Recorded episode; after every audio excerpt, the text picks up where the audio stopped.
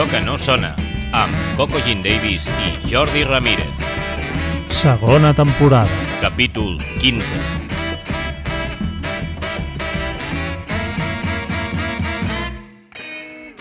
Salutacions a tots i a totes, us donem la benvinguda a Allò que no sona, un podcast dedicat a la indústria musical catalana i les persones que en formen part. El meu nom és Coco June Davis i al meu costat tinc el meu company Jordi Ramírez de Bon Ritmo. Bon dia, Jordi. Hola, Coco. Uh, avui és un dia especial perquè arribem al darrere capítol de la segona temporada, així que esperem deixar el pavelló bé alt. Ens presentes el nostre convidat. Sí, eh, avui ens visita el Sergio Márquez, eh, Márquez, Marquès. no Marquès, eh, director i fundador de la revista Mondo Sonoro, eh, que va ser una de les primeres revistes musicals gratuïtes que van aparèixer al mercat editorial espanyol i que a dia d'avui encara segueix tenint una gran repercussió a l'hora de donar a conèixer nous artistes tant nacionals com internacionals. Eh, benvingut, Sergio, i moltes gràcies per estar aquí amb, amb nosaltres. Gràcies a vosaltres per convidar-me. És un plaer, eh? Pues encantada de Quan- quan conèixer. acabi- quan conèixer acabi. el Igual, Sergi. bé, per acabi, no? Quan. Després del tercer grau, no? Molt bé. Bueno, aquí a allò que no sona ens agrada començar l'entrevista preguntant als nostres convidats quina va ser la primera relació, connexió amb el món de la música. Has estudiat música, ets un músic frustrat que es dedica... Com, com va ser això, aqu- aquest primer contacte? Amb el món de la música, o sigui, Sí. sí. vols dir, eh, ja els primers pinitos... Eh, de, Sí, amb si la- tens familiars que eren músics, que et va inspirar a doncs, entrar en el món No, la la veritat és que no tinc cap familiar, ni sóc músic, ni res. L'únic, mira, tot, a l'inici de tot una mica va ser que jo vaig començar a estudiar econòmiques a la facultat de, de Ah, Barcelona. mira, ah, mira. I, i, i, i clar, jo a la facultat d'Econòmiques no coneixia ningú i llavors no, no tenia ningú amb qui passar-me cassets, no? Ah El típic que en aquella època doncs, ens passàvem cintes de casset no? amb, Sí. amb les coses que et gravaves i tal, i no, no, no tenia ningú. Llavors eh, vaig fer uns cartells, uns lletreros, i que vaig començar a penjar per les diferents eh, facultats per mirar de conèixer gent que li agradés la, la música i, Ah, mira. i poder eh, fer aquest intercanvi no? de, de discos, de cintes i tal. I, Uau. i a partir d'aquests lletreros que vaig penjar, em van trucar tres persones, una d'elles el José, que és un dels meus socis a la revista. Què dius? Sí, a la sí, mateixa facultat? No, ella estava estudiant física. Jo estava estudiant econòmiques i física. Ahà. Llavors em va trucar, vam quedar al bar de, de, de física amb dues persones més i, i vam, d'aquell- d'aquella primera reunió vam decidir fer una associació que era l'Associació Musical Universitària. Què La amo, dius? sí. Però així gran, ja, des del principi. Ah, sí, des però... del principi. Uau. I sí, ens vam instituir com a associació, vam, fins i tot ens van donar un local a la Facultat de Geografia i Història, i el primer que vam fer va ser editar un fanzine, un fanzine que es deia Boom, eh, Boom era Boletín Universitari Musical, no, era massa, Ok. no, no ens tancàvem massa les banyes a l'hora d'escollir el nom i bueno, vam començar a, a fer el fanzine aquest i, i fèiem històries a la universitat. Fèiem pues, eh, cicles de cinema i rock, eh, després fèiem concerts també, eh, vam fer concerts a la Sala Comuniqué, al Porto Raco, sales Puerto mítiques d'aquí de. Barcelona, Mare meva. i, i fèiem activitats dintre del que era l'Associació Musical Universitària. I això va ser el primer contacte que vaig tindre amb el que és el, el món de, de la música i de la indústria i tal. I en aquella llavors, quines eren les bandes guais o com, com o sigui, quins eren els noms que sortien així com bandes referents? Doncs mira, és, és, és divertit perquè jo venia d'una tradició més rockera de tota la vida, no? Ahà. doncs de rotllo Neil Young, el Bob Dylan, i Ahà. després tota la part més hard rockera dels Deep Purple, els Led Zeppelin, no? tota aquesta Ok. part, no? la Janis Joplin, els Doors, Yeah. tota aquesta Who, tota aquesta banda més... I en canvi el José, el meu soci, venia de la part més eh, 80s, eh, britànica, Joy Division, The Cure, New Order... Que saps? I, guai. clar, Llavors, clar, ens van com descobrir dos mons totalment diferents, no? I ell em passava discos, jo li passava discos a ell, i, i llavors, clar, a mi em va obrir tota una, una part de, de l'escena de la música que en aquell moment no, no coneixia. Però precisament en aquell moment va coincidir la- l'eclusió del, del rock alternatiu, doncs, de les, dels Pixies, dels Sonic Youth, dels Dinosaur Junior, dels Violent Femmes, posteriorment els Nirvana, Matt Honey... Yeah! Eh, els, no? Tot aquest, totes aquestes bandes que venien de- de- de- d'Amèrica no? i també de i també d'Anglaterra, no? doncs els, els Nick, el Nick Cave, la P. Harvey, no? tota, tot allò que, que ens, va, ens va volar la, al cap no? I, i va ser una mica doncs, l'origen de, de, del boom i després del Mondo Sonoro. perquè a- abans d'arribar al Mundo Sonoro eh, ens has parlat de que amb el, amb el teu soci, amb el José, eh, creeu el, el fanzine Boom. Eh, Tu estudiaves econòmiques i el José ja ens ha arxivat també que estudiava física. És a dir, alguna relació d'algú dels dos amb el món del periodisme anterior? Amb la música ja ens has dit que no, però teníeu alguna relació o tampoc? És a dir, com, com, com sorgeix la idea de fer un, un fanzine musical de dues persones que, que no tenen res a veure amb el periodisme en aquest aspecte eh, que, i, o que acabeu després fent una revista?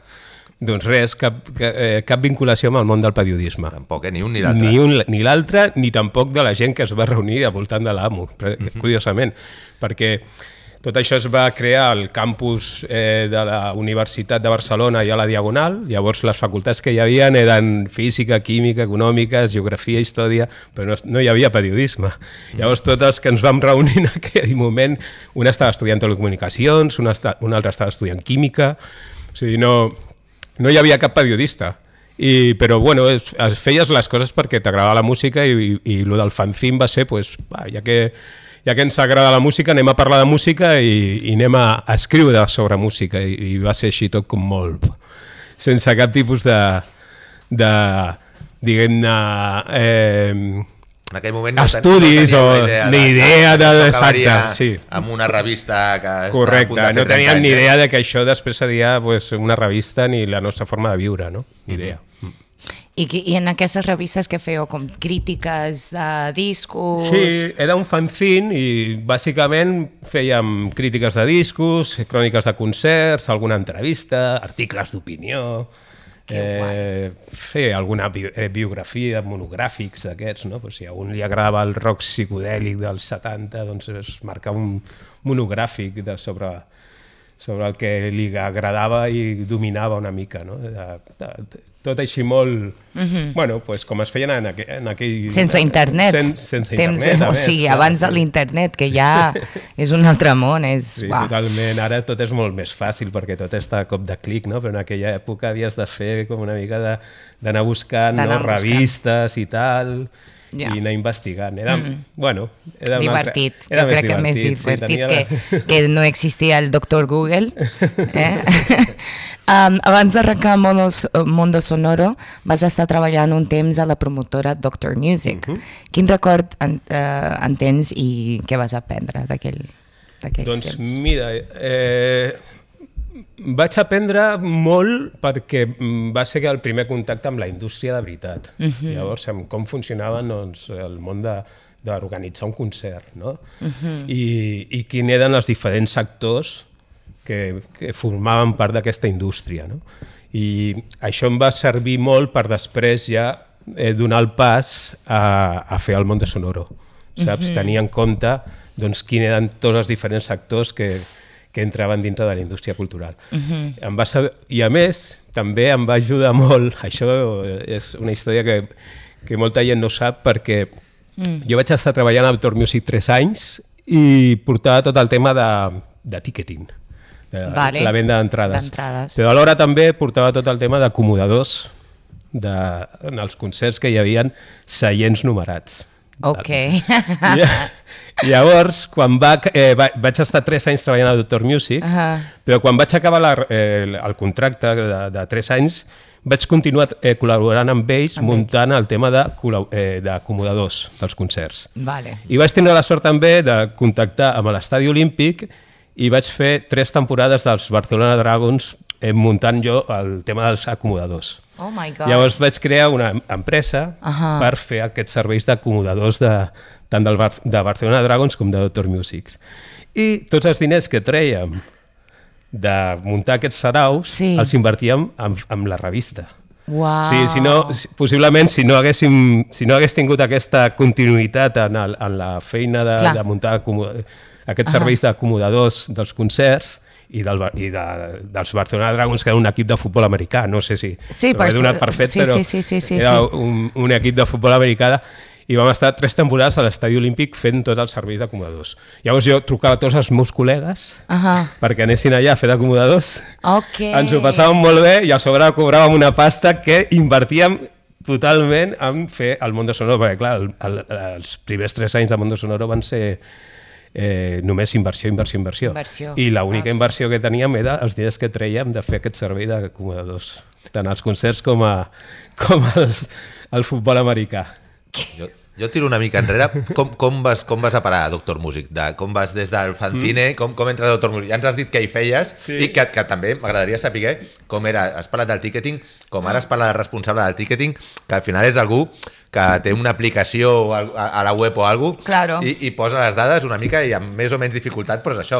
Però el ticketing, a l'any, no sé de quin any estem parlant Però exactament. estem parlant de l'any 91 al 94. De l'any 91-94, Eh. el ticketing no era per internet, el ticketing era en paper i devia ser una altra mena de pollastre. Com, com, era, com entres a Doctor Music i com era el ticketing realment d'un concert, no sé si feies teatres, ja ens parles així, o d'un palau d'esports o un estadi olímpic, per dir alguna cosa. Uh -huh. Vale, pues mira, jo, estava jo en aquell moment estava estudiant i alhora estava treballant a, a una empresa de seguretat per treure diners, bàsicament.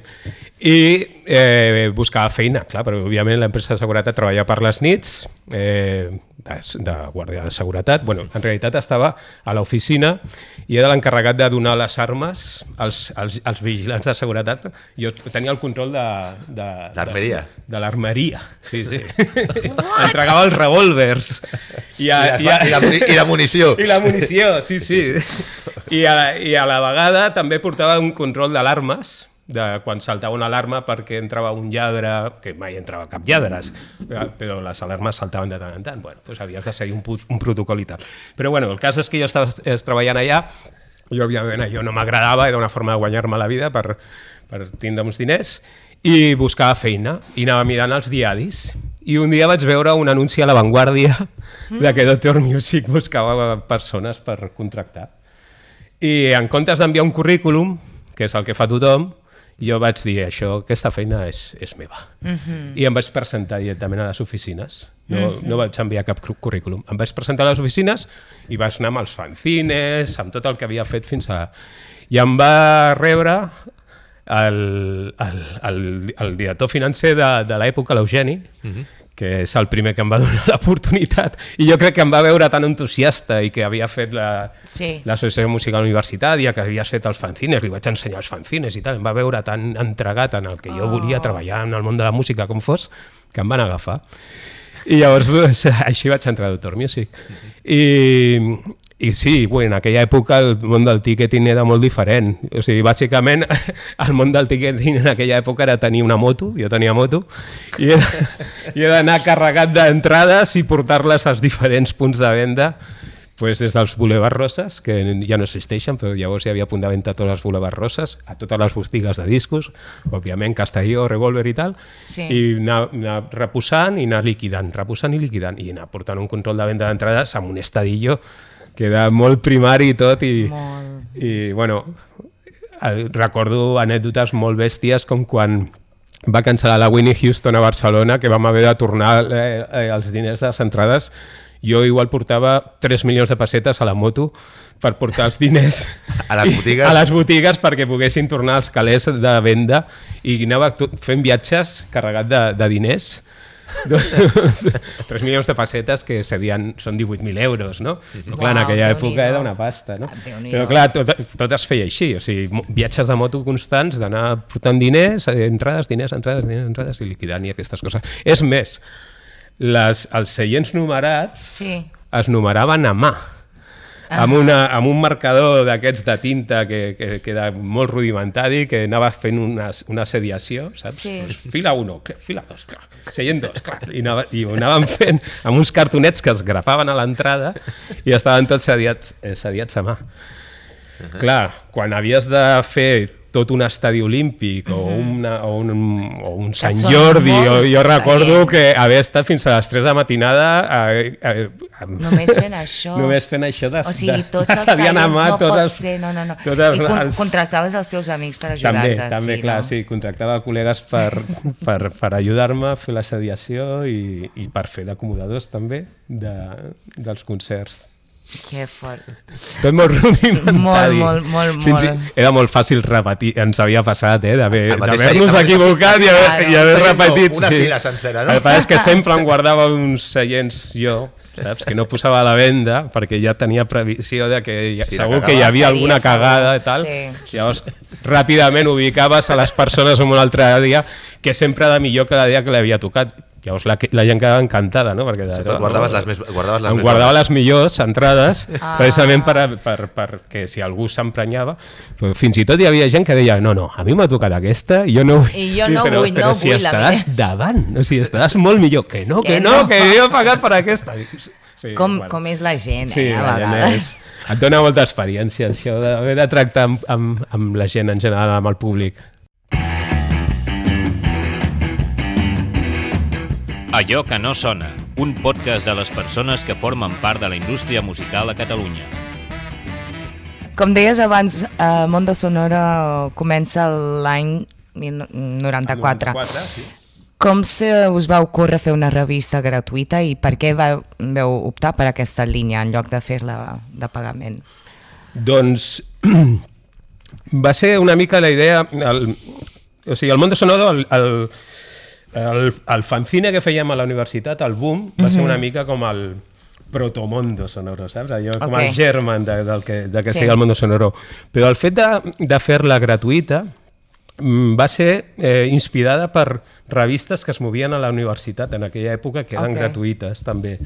Eren revistes més d'informació general i també revistes que, o diaris que, que es repartien a les, a, als barris, eh, pues de les associacions de comerciants de, del barri de Sant Andreu, saps? Eh, revistes aquestes de mercat que doncs, eh, anaven, es financiaven amb publicitat de pues, la carnisseria Pepita i, el, sí. i llavors jo quan estava a Doctor Music pensava que, eh, que una cosa així, només pensava en la ciutat de Barcelona, eh? pensava que, una, que fer un, una mena de, de diari no?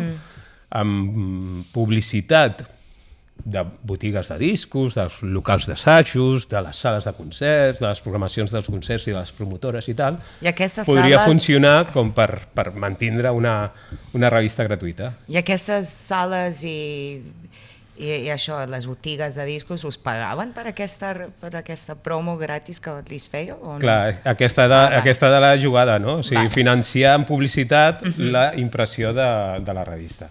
Però ja et dic que no, al principi jo només pensava en Barcelona, no pensava en, en a- anar més enllà de Barcelona.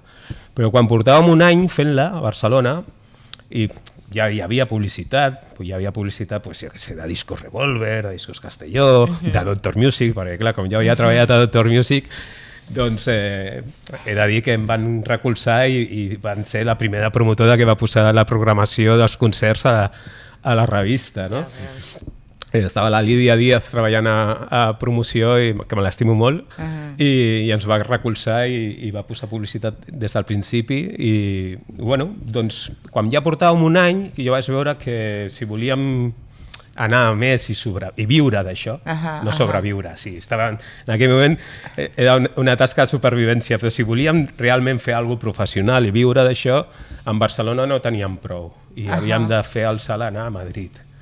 I llavors, quan portàvem un any a Barcelona, vam fer el salt d'anar a Madrid, també.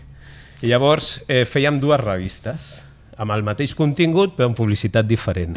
una, una edició eh, catalana, diguem-ne, i una edició madrilenya. Madrilenya, perquè l'escena madrilenya tam també tenia el seu, no? Sí, O però el sigui- contingut era el mateix. Ah, o vale, sigui, era el mateix a, a una banda que l'altra. L'únic que canviava era la publicitat.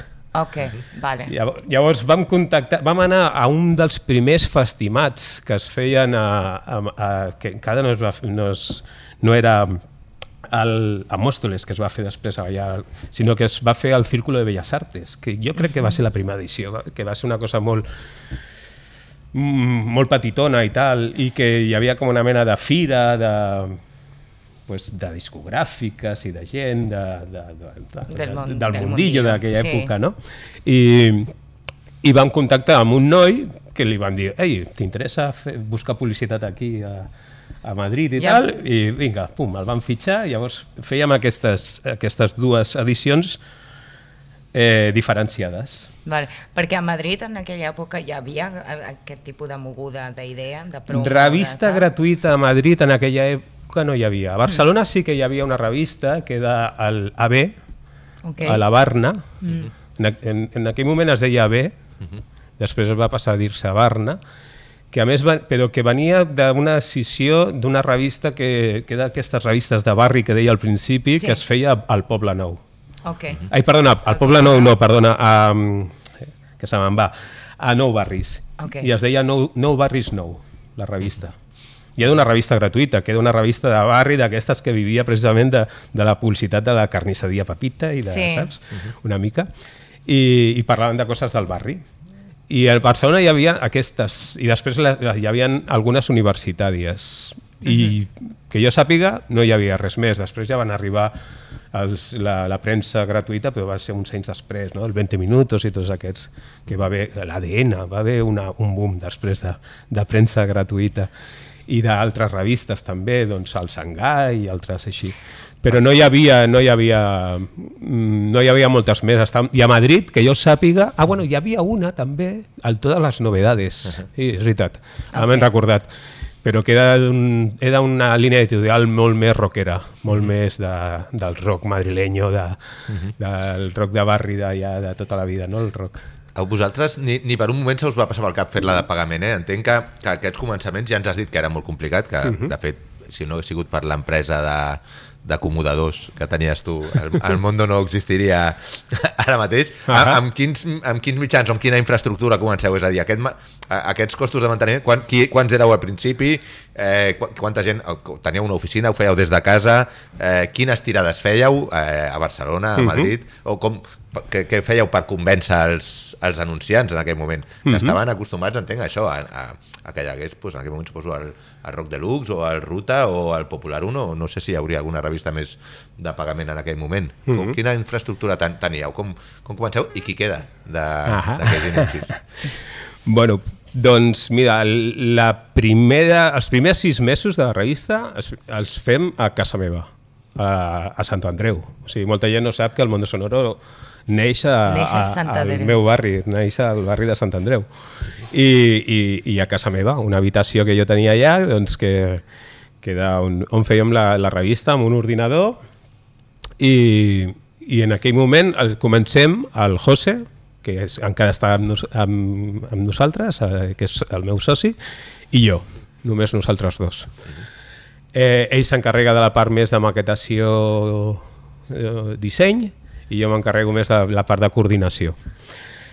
Mm, hem tret el primer número, només traiem el primer número eh, amb 15.000 exemplars. 15.000 15.000 el- exemplars, el primer. perquè jo tenia molt clar que si era una revista gratuïta s'havia de veure, perquè si no, no, no, no, no, no interessaria perquè la gent es publi no, posés publicitat a la revista, perquè tu poses publicitat perquè la publicitat es vegi. Mm, mm, Llavors, eh, vam començar amb una tirada de... Bueno, eren, eren 16 pàgines, la portada no era en color, era bicolor, era magenta i negra, amb una, amb una foto de, de, dels Red Hot Chili Peppers, Ahà. del Dave Navarro, que, era, eh, que, que era, havia sigut guitarrista de James Addiction, però en aquell moment era guitarrista dels Peppers en la gira que van fer a Madrid, a la Monumental vam fer un concert i vam anar tots allà amb, amb, a, a veure el concert i una de les fotos doncs, va ser la primera portada del Mondo Sonoro.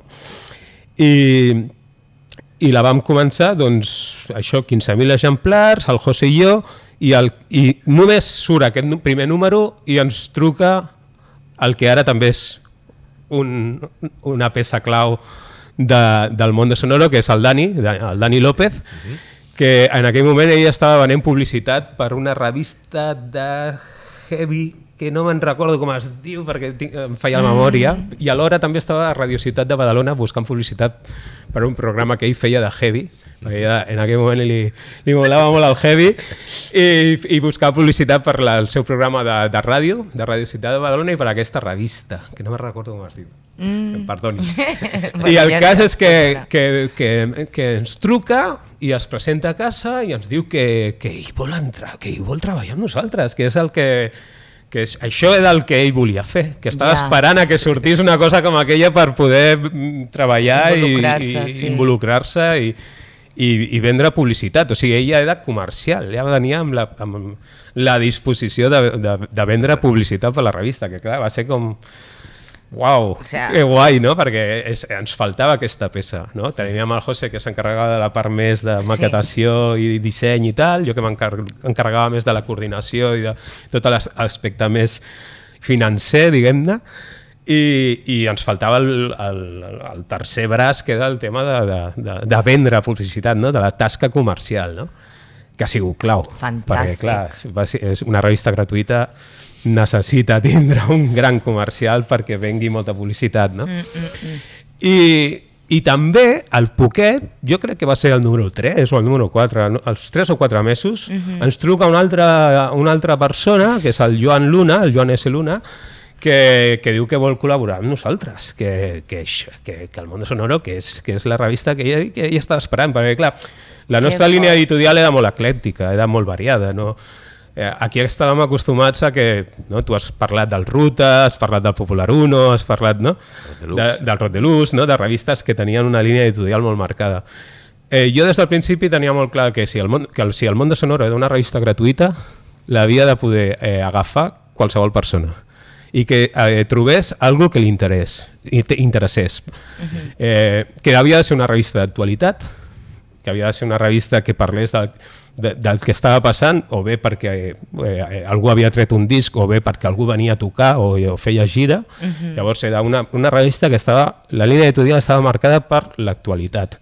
Uh -huh. I aquí hi havia, uh -huh. podia entrar des de el heavy, el hard rock, el indie, el rock alternatiu, el techno, el que fos. No? I, I llavors era una revista que es parlava era molt variada, bueno, molt eclèctica. Hi havia de, una mica de tot per tot. Per hi havia una mica de tot perquè, com era gratuïta, Clar. jo tenia la idea de que al ser gratuïta, a l'estar al carrer, uh mhm. -huh. havia d'interessar a tothom, uh mhm, -huh, saps? Uh -huh. Cosa que després pues, ens ha donat una mica la raó tot, tot el tema dels festivals i tal, que hem acabat amb aquest eclecticisme tan meravellós que, que també ha sigut una mica clau perquè el món sonoro pues, funcionés. No? Mm. Bueno, i, I això, que va entrar el, el Joan S. Luna, que, que me'n vaig una mica, mm. per, i va entrar el Joan S. Luna i va ser una altra figura clau perquè el Joan eh, de cop i volta era com una mena d'enciclopèdia amb potes. Eh, tu parlaves de que no hi havia internet. Ja, Clar, ja, ja. L'internet el teníem tots al cap. Claro, he, de, clar. he, de, he de tenir memòria i he de tenir dades. Uh -huh. I el Joan era això, era, en sabia molt, uh -huh. en sabia moltíssim, en sabia moltíssim a més de tot. O sigui, uh -huh. en sabia molt de heavy perquè havia tingut un bagatge heavy, però en sabia molt de hardcore, en sabia molt de rock alternatiu, en sabia molt de post-punk en sabia molt de tot. I clar, de seguida eh, es va convertir en el cap de redacció de la revista. Van dir, aquest tio és que és, és, que és, és un ja, crac. És un, crac. I a més, escrivia bé, tot ho feia bé. I aquests són els quatre que, que vam, que vam eh, encetar els primers mesos de, del món de Sonoro i el fort és que 29 anys després estem els quatre amb la incorporació del David, que és un altre comercial, que també és soci de la revista, que són cinc socis, que també va entrar, va entrar una miqueta més tard. El David va, devia entrar cap a l'any 98, 99, 4 o 5 anys després. Uh -huh. um, ara parlaves abans d'això de, de la importància de que entrés el Dani com a, com a comercial per, i de, de, la, de la dependència que tenia vosaltres de la publicitat eh, i ens explicaves una mica aquesta ajuda al principi de Doctor Música que fossin els primers que, eh, que s'anunciessin eh, costava molt al principi que, que apostessin per vosaltres, o, sigui, o, o de seguida diguéssim això, parlaves dels primers números ja el, va haver una resposta de això, això funcionarà, de tota la indústria dient ah, això es quedarà va costar moltíssim va costar molt.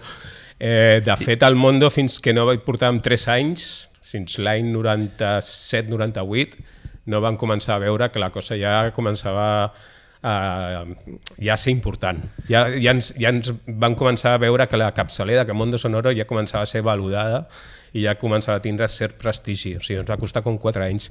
I tot va ser també una mica per el, el tema de les edicions locals. Mm -hmm. Això és una altra de les peces claus de, de la història del Mondo Sonoro i, del, i de la i de que estiguem aquí ara parlant de, del Mondo 29 anys després, que va ser el fet de fer eh, fins, vam, vam arribar a tindre vuit edicions locals. Uh -huh.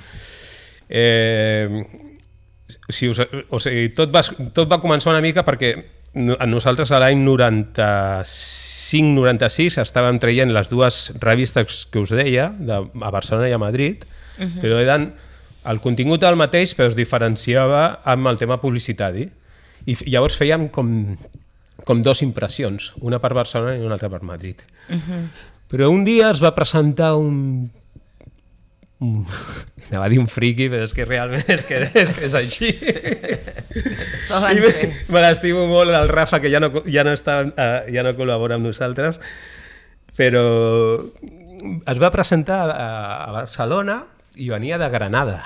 Uh -huh. I va dir, Quillos, yo quiero sacar esto en Granada, ¿qué tengo que hacer? Ajá. I, ostres, ja van dir, ostres, doncs no sé, no, no, no, no, no, no sé com ho podem fer, perquè clar, el que no veiem -huh. era el rotllo de fer tres, impres tres impressions, una per Barcelona, una per Madrid i una altra per Granada, no? I llavors... I tenia sentit fer-ho a Granada? Eh, Com? clar, tenia sentit perquè si volíem eh, que cada vegada interessés més a la publicitat, eh, sobretot en aquell moment s'estaven anunciant discogràfiques, no? Uh -huh. Perquè encara es venien discos. Ja. Llavors, llavors el, els, els anunciants eh, eren eh, discogràfiques que anunciaven la sortida d'un disc. Uh Mhm. -huh. Llavors els hi podia interessar que no només arribéssim a Barcelona a Madrid, sinó que comencéssim a arribar a altres ciutats. I Vale. ens haguéssim expandint i haguéssim creixent en tirada i haguéssim creixent en, en repercussió i en difusió. I això que al sud no, d'Espanya, que ja clar. té un altre, Era, o sigui, era, un altre ostres, públic ostres, i... Clar, i a més, i en aquell no? moment Granada, Sí. pensem que era la Granada dels dos planetes, era la Granada de la Gartijanic, Vale, de la això és el que 91 volia saber. Clar, vale, Granada era, era Tenia escena. una importància, tenia una I importància tenia, dintre i tenia de... l'únic festival en aquells moments, a més a més que hi El havia, que era Rock. l'Espàrrago Rock, a més a més, no? que el primer, fe- el primer festival que hi va haver aquí, diguéssim això, si no m'equivoco, que va durar una mica va ser a l'Espàrrago, no? Correcte, correcte. Bueno, tinc un, unes quantes anècdotes de l'Espàrrago també, de- d'aquestes de Déu meu. Però això, llavors va vindre aquesta, el Rafa i va dir, jo, jo quiero sacar esto en Granada. Llavors ens, ens va vindre la idea de, de fer el mateix que feia el País, el dia a dia El País, que el dia a dia El País tenia una edició que era igual per tot Espanya, però dintre hi havia un suplement que canviava, doncs a Catalunya estaven el suplement català, amb informació local i política de Catalunya. A Madrid estava el suplement de Madrid, a Andalusia estava el suplement d'Andalusia i a Euskadi el d'Euskadi, etc. No? Uh -huh. I llavors van dir, ostres, doncs fem el mateix, fem un cos que sigui general per tot Espanya i dintre encartem, o sigui, insertem les edicions de cada una de les de la zona on, on, es distribueixi la revista. Llavors, és quan vam començar amb l'edició de Catalunya, l'edició de Madrid, l'edició d'Andalusia, i al poc, al poc, al poc, es va presentar també. És, és Vinga, curiós perquè, perquè se se'ns apunta? presentaven, la, la gent se'ns presentava. I, curiosament, es va presentar Alfonso Santiago. No sé si us sona Alfonso Santiago. Sona, sona. Doncs Alfonso Santiago ara mateix és el director de l'Astur. L'Astur és la, la gran empresa del nord que està fent el BBK, està fent a l'Esquena, eh, el BIME, Esquena, etc sí, etc. sí, sí. Doncs es va presentar ell i el seu germà. Bueno, curiosament es va presentar el seu germà, però, però anaven, anaven els dos. Ahà. I, I va ser el mateix. Jo vull fer eh, el Món de Sonoro a Euskadi. Vull, portar, vull, fer l'edició vull fer l'edició de- d'Euskadi al Món de Sonoro. I a Euskadi, curiosament, li vam donar un nom propi a la, al suplement, que es diu Ahà. Zarata, que és, significa soroll, en, en basc, Ahà.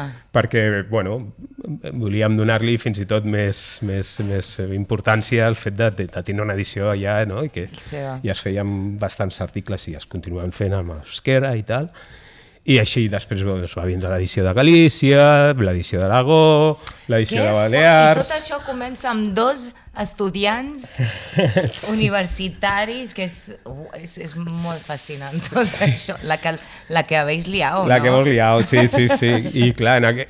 va haver un moment que vam arribar a tindre 100.000 eh, exemplars de, de tirada en 8 edicions. Com, uh, uh, L'edició de València també.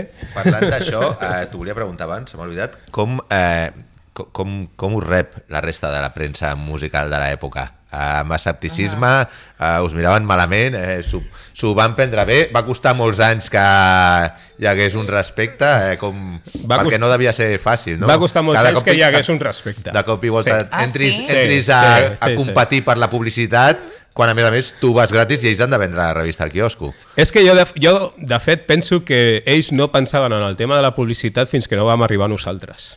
O sigui, mm. ells... Eh, i quan Vivien parlo de- d'ells, de- parlo de, en general de- de, de de la les revistes de quiosc, i en concret parlo del Rot de Luz i del Ruta i del Popo. Bueno, el Popo sempre ha sigut una mica... ha anat una mica pel seu, pel seu compte. Però el Rot de Luz, sobretot, queden els... El Rot de Luz era d'aquí com... Ho sabeu vosaltres, era com la Bíblia, era dels més respectats, era com que, oh, paraula de Roc de Luz, no? I ens veien, ens veien malament, clar, ens veien com uns... Qui són aquests, no? Però, curiosament, jo crec que gràcies a nosaltres ells es van posar les piles a l'hora de buscar publicitat. I a l'hora de veure que podia ser una font d'ingressos eh, interessant, no només per les vendes que tenien al quiosc.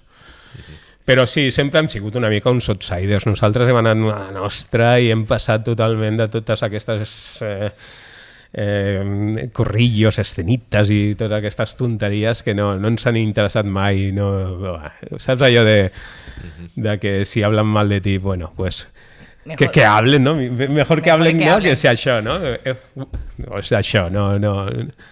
I això, la- l'estètica o el, el tipus de revista Mondo Sonoro sempre va començar com, bueno, té la reputació de ser, o que a pri- pri- principis una revista de rock, però després veu anar canviant, incorporant altres estils. Això és perquè la gent ho demanava o vosaltres veu decidir al principi de aquí hay para todos i queremos...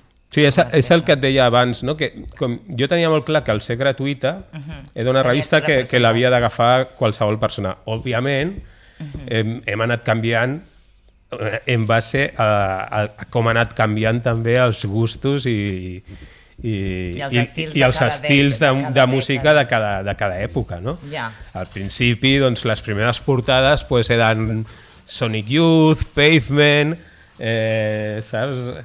Ahà. Red Hot Chili Peppers, Pearl Jam, P.G. Harvey, aquest, les primeres portades així que recordo, no?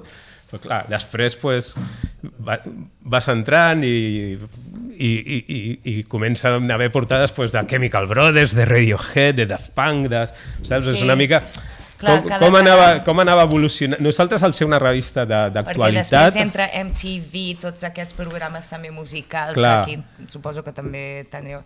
I era això, que el, món, el, el món del pop, no? del grunge, no sé què, eh, clar, va evolucionant I, això. I després jo crec que hi ha hagut una altra cosa que ha sigut clau pel món sonoro, que és que sempre hem tingut... Mm, li hem donat molta valor i molta importància al, a la música d'aquí, al que es feia aquí, als Vale. grups d'aquí, saps? No només els de fora. Vale. Jo crec que això també ens ha diferenciat una mica eh, davant de la premsa de quiosc, no? De, doncs davant de, de, de, del Rot de Luz i tal, doncs, doncs nosaltres doncs, podíem donar portades a grups que en aquell moment estaven començant com Sidoní, Sidoní, o Love of Lesbian, sí. saps? O, saps? Eh, grups que, que Rot de Luz veia com... Uah, directament no parlaven d'ells, o sigui, és així i després s'ha demostrat diu, que, que, que han sigut grups que s'han convertit en grups importants Ja. dintre de l'escena de- d'Espanya i, han, han, no? I, i ara encapçalen festivals no? o sigui, jo recordo, jo recordo que de, de, de, de, doncs, el Santi de l'Ofers Lesbian o, o el Marc de Sidoní dir, hòstia, és que els Rodolus no parlen de nosaltres, tio. Vale. O sigui, vo- vosaltres ens tracteu aquí, ens doneu una portada, ens tracteu de puta mare i aquesta gent és que passen de nosaltres. No? Mm, I, I no sé, mm, no sé molt bé per Bueno, quina raó, però era com que no diferent. entraven dintre de la seva línia editorial, en canvi nosaltres doncs, vam veure que, que, que, que, que per nosaltres era una oportunitat, que, que, era, que, que ve d'un moment en el que estava creixent l'escena indie d'aquí uh -huh. i, que, i, que, i que anàvem de la mà la, el Mondo anava de la Claro. mà amb aquesta escena, Claro, no? claro. I que, a més, començaven a haver els primers festivals i aquests festivals necessitaven d'aquests grups també per fer, No, per fer els suposo seus que als anys cartells. 2000 és quan Clar, els sí, és, festivals és, pues, realment és, ficaven aquella època eh, el, el canvi de segle és bàsic perquè comenci a haver tota aquesta indústria espa més espanyola, no? Mm, que, es tren que trencava una mica amb la- amb, amb l'escena que venia de, pues, de la postmovida no? I, de, i de tots aquests grups que tots sabem. Ai, Parlant de, de canvis, que estàs parlant de tots aquests canvis i d'importància, vosaltres amb gairebé 30 anys, porteu 29 però ja estem quasi als 30, eh, heu estat testimonis de molts canvis, parlàvem d'internet, etc en el món de la música, en el món editorial, eh, però sobretot, eh, crec que el canvi important, eh, tant en el ticketing que ens explicaves abans com en tot, és l'aparició de- d'internet. Vosaltres, eh, de fet, en, eh, igual que en el seu moment vosaltres podíeu ser un canvi respecte a la gent que estava al quiosc, eh, la- l'aparició d'internet eh, la veu veure com una, com una amenaça. Eh, sempre us, us heu adaptat molt a tot el que venia, però en algun moment heu vist perillar la- l'existència de la revista? Vosaltres també? Doncs mira, la veritat és que no. I, i, i de fet, eh, la primera versió del Mondo Sonoro a internet és de l'any, si no recordo mal, malament, 98-99. O sigui, era una web molt, molt cutrilla, perquè clar, era una web, estem parlant de, dels principis de sí, porque cuando salió. Windows 95, 94. Sí, el, jo Claro, recordo o sea, la prim, els primers emails o coses així devia ser l'any 95 o 96 Sí, sí, sí. tenir, Ja. però, era, però enviar un email era més complicat que anar a correus a tirar una carta, eh, quasi, o sigui, no era... Tenies que tenir un programa a part, era, era una aventura, o sigui. Doncs, doncs fixa't, la, la primera versió, jo, jo diria que sí, si no, 98, 99, igual 99, però era una, ja et dic, era una web molt crut, cutrilla, però ja, ja havia presència de Mondo Sonoro a, a internet. O sigui, ja, ja teníem allò, Aquesta visió la de- intuïció de que allò havia arribat per quedar-s'hi i que, i que havies d'estar atent i que havies d'estar, i ser-hi. I, I al contrari que les revistes de quiosc, com la nostra, una revista gratuïta, veiem que internet no ens feia mal. O sigui que nosaltres queda més, més, més un, un aliat, un, un aliat que ens reforçava, que no que, no un, que no que ens feia mal perquè, clar, si tu poses el teu contingut a la xarxa, qui compra de la revista després al quiosc? Que és el, una mica el que va passar no? De dir, ostres, la crisi del quiosc ve precisament per això, no? Si tu pots re- eh, obtindre tota aquesta informació gratis perquè has de pagar, no? I en canvi Clar. nosaltres, com la nostra revista de gratuïta, vam veure que podíem crear sinergies entre la versió digital i la versió paper. I de fet és el que ha passat i és el que continuem fent. O sigui, eh, Perquè no depeníeu de les ventes, sinó de les Clar, depeníem de la la publicitat publicitat. i Ah. el que, el que vam veure és que si venien publicitat per la revista de paper, també podien vendre publicitat per la revista digital, o sigui, per la web. I de fet és el que fem. O sigui, nosaltres ara el que eh, en més ens funciona és un pack publicitari que fem en el que poses publicitat a la revista paper, poses banners a la, a Els la versió web de la, o sigui, pesca, a sí, mondosonor.com i, i després pues, també cartelleria i altres eh, eh, formes de publicitat que tenim, no? Però, però és això, que vam veure sempre internet com un aliat, no, no, no, no, no com una cosa que ens pogués fer mal, mm. sinó que era un complement i que a l'hora de vendre publicitat doncs, era una, una forma més de, de donar difusió a l'anunciant, que al cap, a a la fi és el que vol. Quan un s'anuncia el que vol és arribar, ah, i quanta més gent arriba millor. Sí. Llavors, pues, sí, genial per vosaltres. Us podeu subscriure al podcast de Lloc que no sona a la plataforma on ens escolteu habitualment, Spotify, Apple, iVox i també a la nostra web buenritmo.es.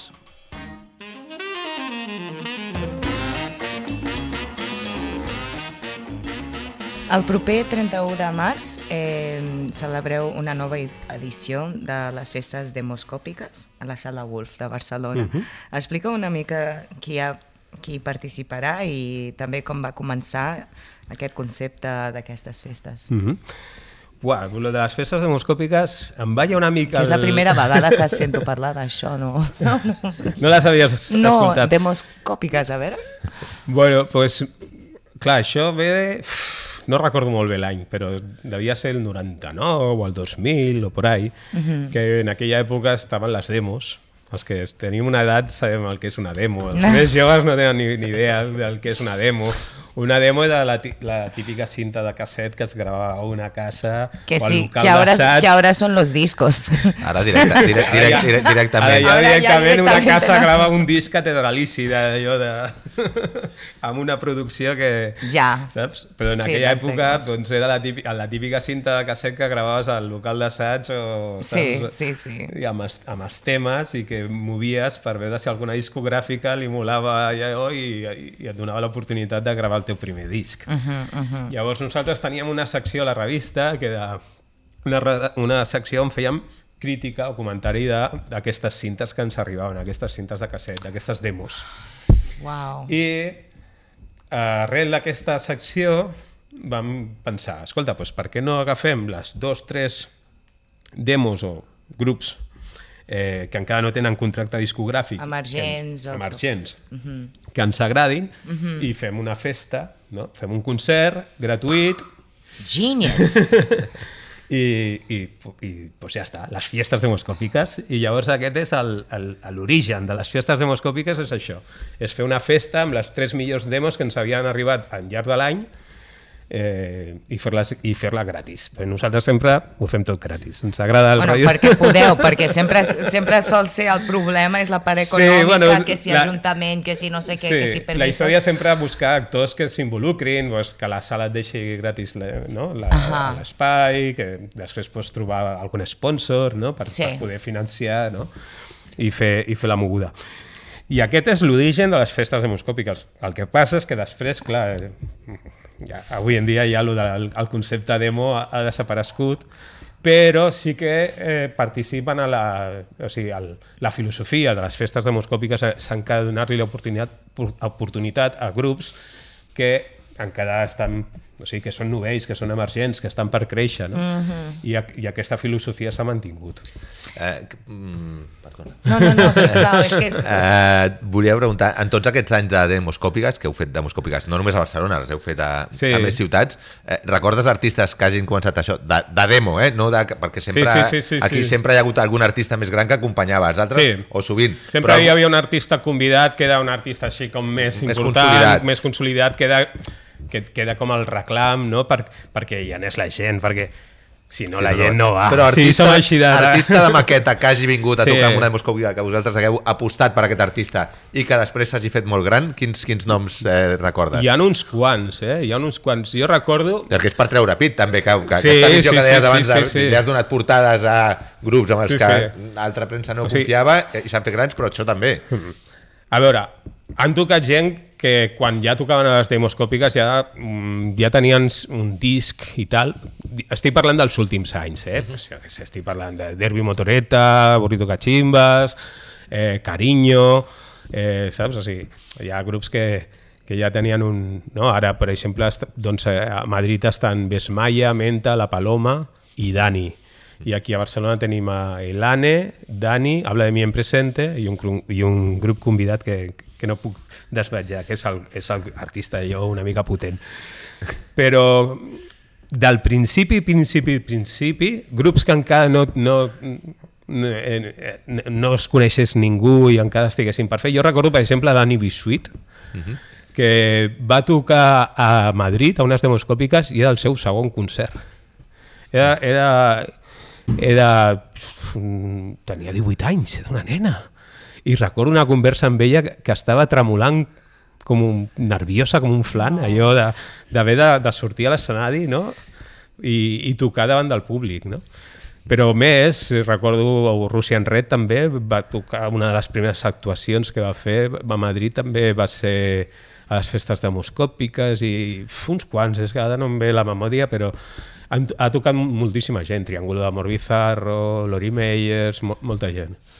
I aquestes festes o aquests, aquestes bandes emergents se suposa que en, aquell nivell no tenen manager, no tenen booking, és en plan, me pre presento, Uh -huh. eh, feu una selecció Uh -huh. i no tenen representants ni res, no? Sí, això en l'època. Ara ja és... Ara, Vale, ara, ara ja ha ara, és al·lucinant. Ara, és, Ahà. ara ja no, no existeix. O sigui, ara, eh, quan t'arriba un grup, ja tothom t'arriba... Man amb manager. Amb manager, amb, sí. I, o amb i- i- discogràfica. amb manager, un, o... un rider, un rider de sí, catering. Sí, sí, s'ha professionalitzat moltíssim, és una passada. O sigui, ara els xavals ja venen superpreparadíssims, no? Sí? Sí, sí, sí, és Els veritat. millennials, els- Els millennials els- venen, venen superpreparats.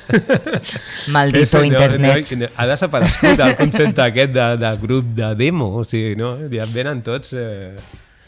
Sí, sí. Amb... O sigui, us, arri us arriben bandes que se us proposen directament, eh? Ja no és allò que triïs tu entre, Sí, sí, entre el que t'arriba, això, sí, sinó que... no, no les bandes, l'entorn de la banda. Sí, Sí, sí, ja- ja, el també manager, la discogràfica, la, sí, sí, el, la, Però això- l'agregadora, que Però són se les suposa llavors que no, discogràfiques, està, o sigui, que no serien eligible per aquest tipus de fer. Això ja és un altre nivell. Clar. Se suposa que és per, per bandes que sempre soy un artista y no sé dónde empezar, a quién llegar, no, Clar. no alguien que ja tiene un, té una representació, no? Sí, però tot i així encara busquem grups que, doncs, que encara... En, a veure, són, tenen, són coneguts, no sé, per exemple, Menta, pues sí, són coneguts, però tampoc no són allò encara un grup per... Clar, no és, exacte, no és un grup encara que, que pugui fer festivals a tota Espanya, no?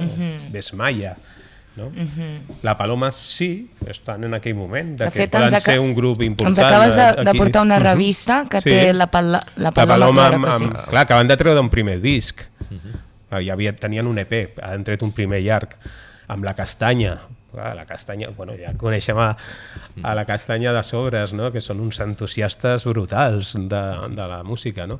Clar, són grups que, que, que, que estan començant, o sigui que encara els hi queda molt, però que poden ser el relleu, aquest relleu que tothom desitja que Sí. passi una mica no? al món dels festivals, perquè sempre es queixem de que trobem sempre els mateixos noms a, Ja. a tots els festivals de- d'Espanya, no? que, que, que hi ha festivals clons no? a tot arreu. Doncs, doncs nosaltres apostem una mica per això, per donar veu i donar l'oportunitat a aquests grups que venen per, per eh, renovar una mica tot el... Però qui, s'encarrega de seleccionar? Perquè suposo que teniu una llista bastant gran, de, teniu com una, una secció de... Sí, bàsicament els quatre que fem la revista, o sigui, el, el Joan, el Joan, el José, el Dani i jo, una mica són els que, bueno, doncs diem, donem l'oportunitat. Mira, per exemple, a Catalunya, si us fixeu, és un cartell eh, paritari, o sigui, són quatre grups i són dos,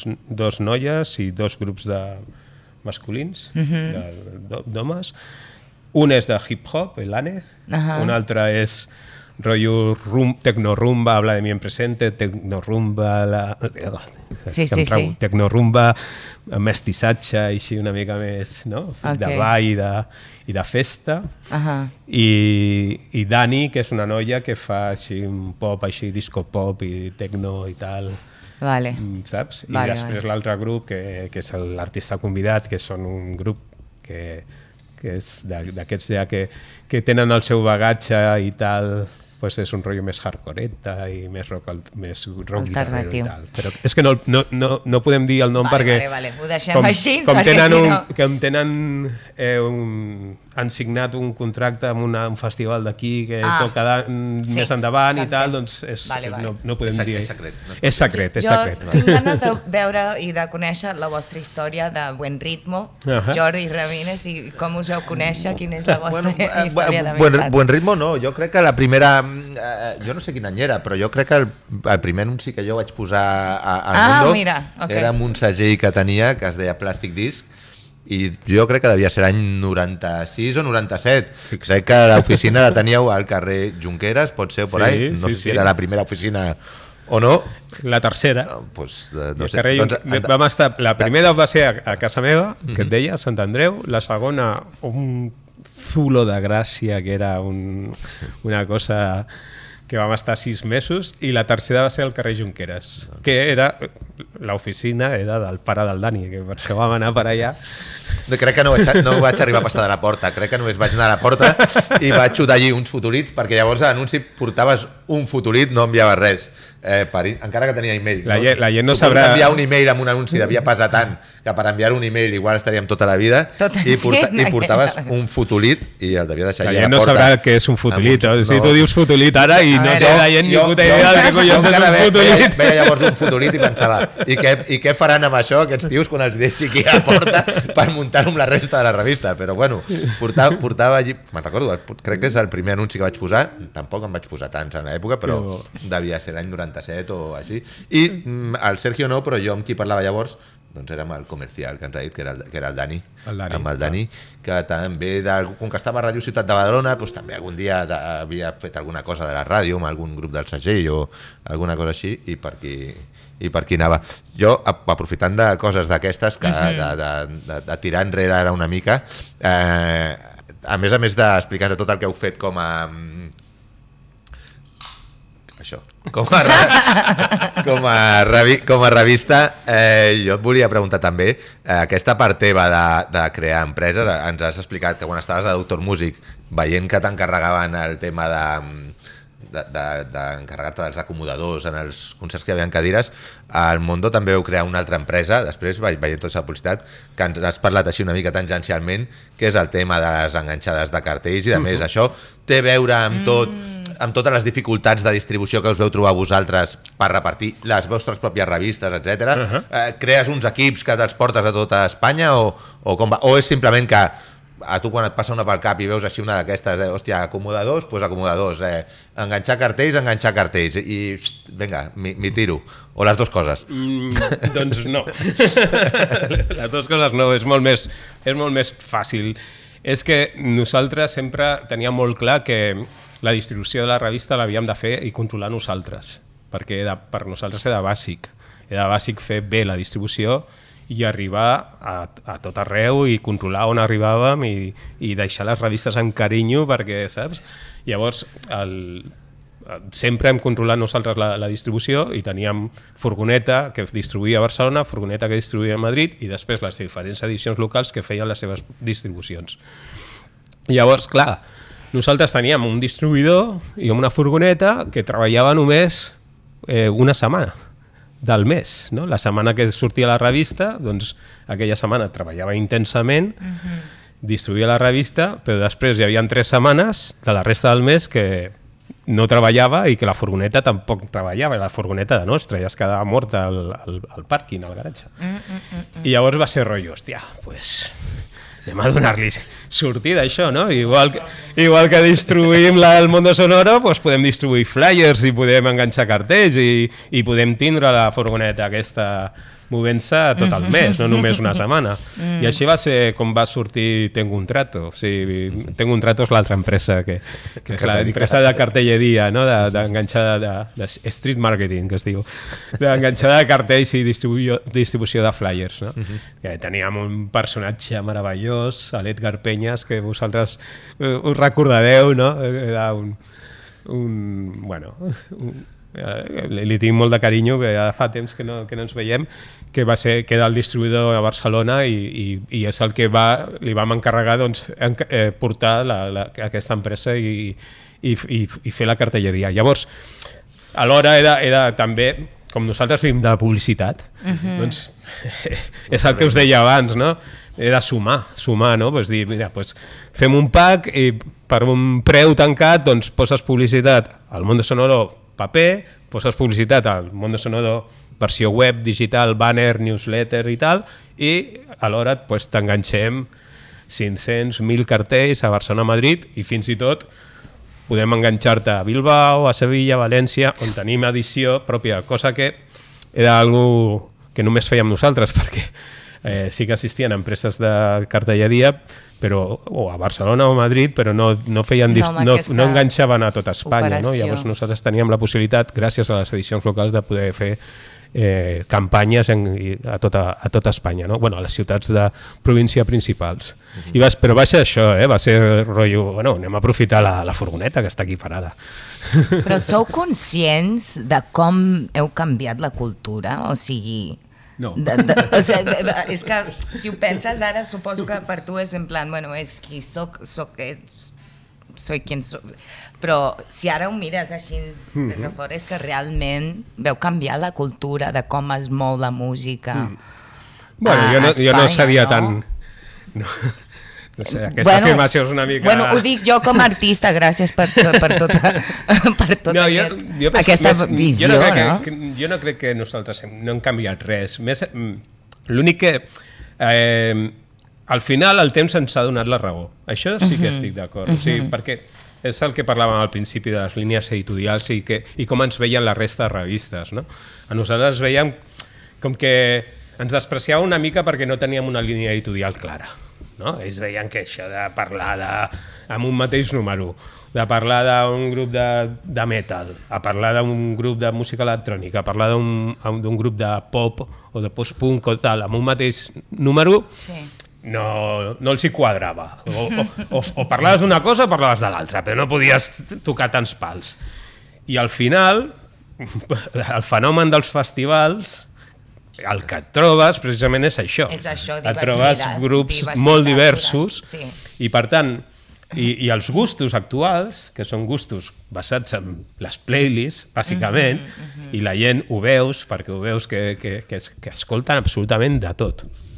I que poden escoltar en un moment donat pues, anar-se'n de festa i ballar al ritme del reggaeton i després escoltar guitarres i després eh, Sí. escoltar eh, pues una banda de, de rumba o de, o de, saps, del que sigui. No? I, els, I els festivals, i aquest eclecticisme dels festivals i, i, i que té la gent actualment, Jo no? doncs, es va ens ha donat la molt, raó. sí. Ens ha donat la raó en el sentit de que nosaltres doncs, ja veiem que la música era un llenguatge universal i que doncs, podíem parlar absolutament de tot Mm. I, i això l'esperit gratuït de la revista també, no? Mm, mm, mm.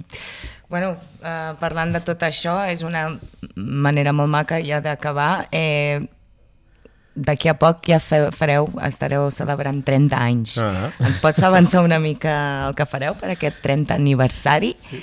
I com veus tu el futur del Mondo Sonoro els propers anys? Uh, Tadà! aquesta és bona, aquesta és bona. doncs no sé què farem pel, pel 30 aniversari, és, és l'any 2024. Nosaltres vam començar l'octubre del 94, doncs l'octubre del 2024 farem alguna cosa, això segur. Quiero estar en la farem alguna gran. És, eh, no, ja al- als 25 vam fer una moguda a Madrid i tal, amb Viva Suecia, el Columpia Asesino, bueno, una moguda a la Riviera que va estar molt guai.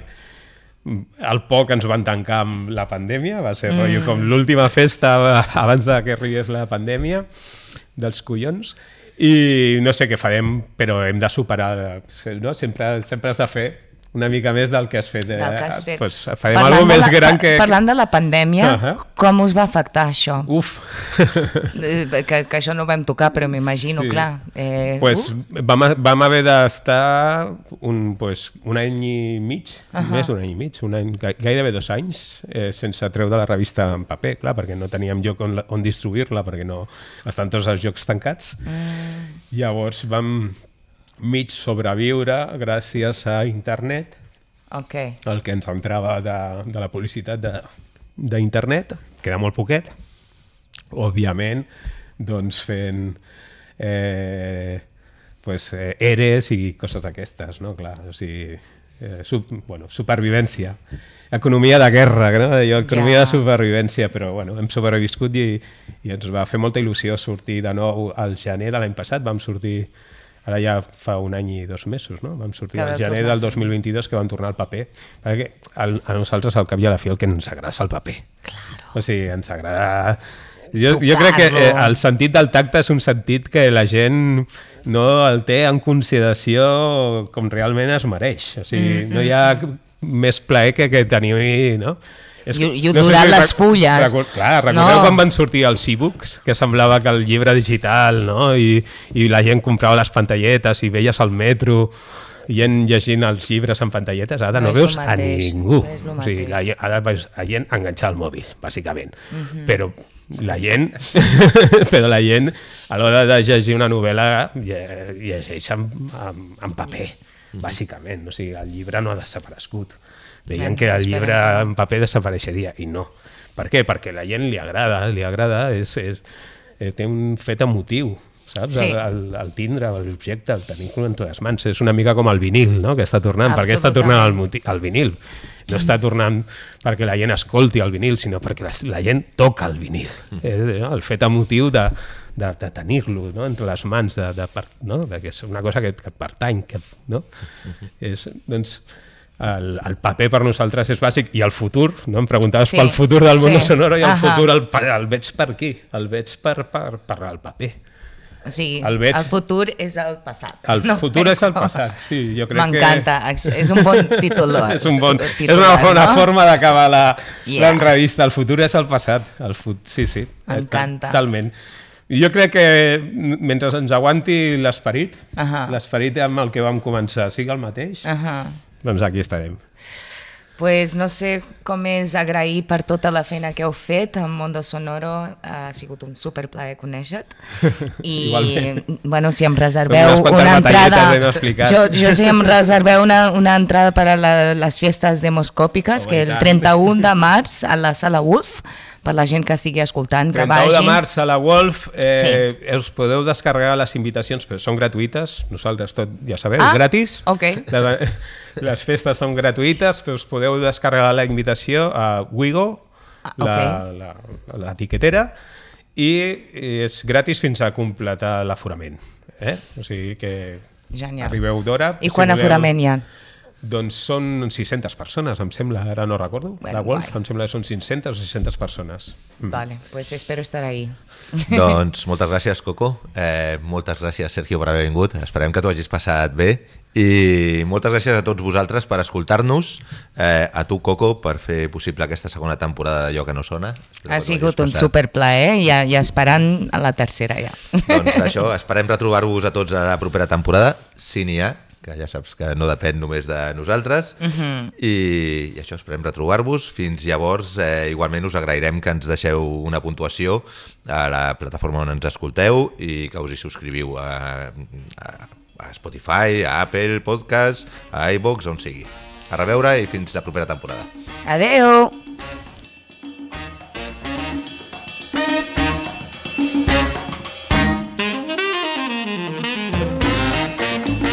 Un podcast realitzat amb el suport de l'Institut Català de les Empreses Culturals.